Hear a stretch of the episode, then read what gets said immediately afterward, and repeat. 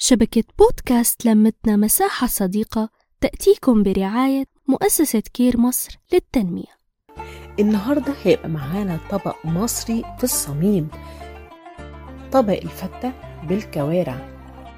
مفيش حد نزل مصر غير لما لازم حد يقوله روح كده دوق طبق الفتة مع الكوارع.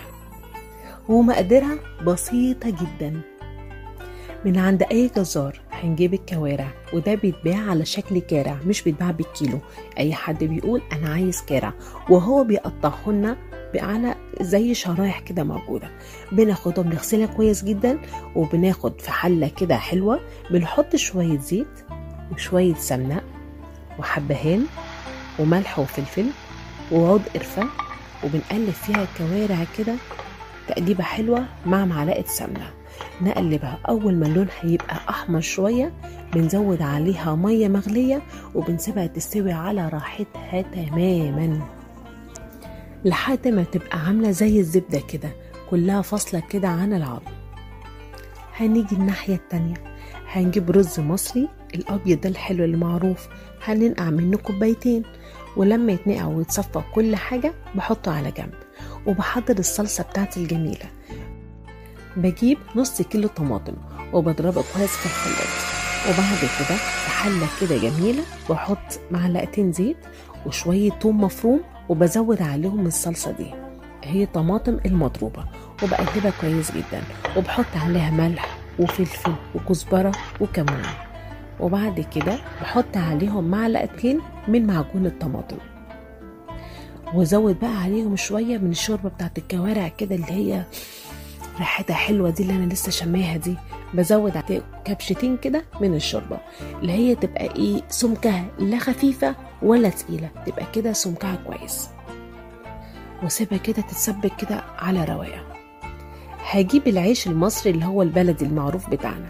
بقطعه بالمقص مكعبات كده صغيرة عشان يبقى شكله منسق كده وجميل. وفي شوية زبدة بحط العيش وبحمصه كويس. ولو مش عايزة تستخدمي زبدة كتير إحنا ممكن جدا نحطه تحت الشواية هي تلاقيه نشف شوية لوحده. نيجي بقى على الرز. بعد ما بنقع الرز كويس جدا وبغسله وبشطفه كده وبسيبه يتصفى براحته باخد حلة على النار. وبحط فيها شوية زبدة مع شوية زيت. وبعد كده بحط الرز عليه وبقلبه كويس قوي لحد كده ما لونه يتغير شوية. وبحط ملح وفلفل وابتدي أزود من الشوربة بتاعتي شوية من مية مغلية وشوية من الشوربة بتاعت الكوارع لحد ما يبقى فوق الرز كده بشوية صغيرين. أول ما الاقيه بيغلي أروح مغطيه عليه خالص وبغطيه وبيسيبه يستوي تماما. نيجي بقى وقت التقديم. بجيب طاجن كده بتاعنا الحلو وبحط عليه العيش المتحمص وبرش عليه شوية من الصلصة اللي إحنا عاملينها. وبس يحط عليه شوية صغيرين يحط عليه الرز بعد ما استوى وب يعني بغطيه كده وبظبطه بشكل يبقى منسق وبعد كده بحط عليه الصلصة بتاعتنا. بغرقه كده عليه كده صلصة من فوق وبحطه على جنب. أجيب الكوارع. في ناس بتحب اللي هي تحمر الكوارع بعد كده. وفي ناس بتحب تحطه تحت الشواية شوية. بس أنا عن نفسي أنا بحب الكوارع تبقى موجودة زي ما هي مسلوقة وسخنة. بس باخد منها حتتين كده تلاتة بقطعهم مكعبات صغيرة وبحطهم فوق وش الكوارع والباقي بقدمه في طبق تاني لوحده. على جنب بقى هجيب طاسة وأحمر فيها شوية توم كده مفرومين صغيرين وأزود عليهم شوية من الصلصة بتاعتنا وأزود شوية كده إيه كزبرة وشوية خل وخليها كده تقيلة شوية وده بفنش بيها الطاجن بتاعنا بغطي بيها الوش بتاعها.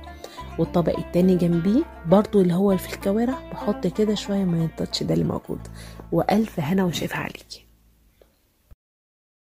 نحكي نتشارك نتواصل.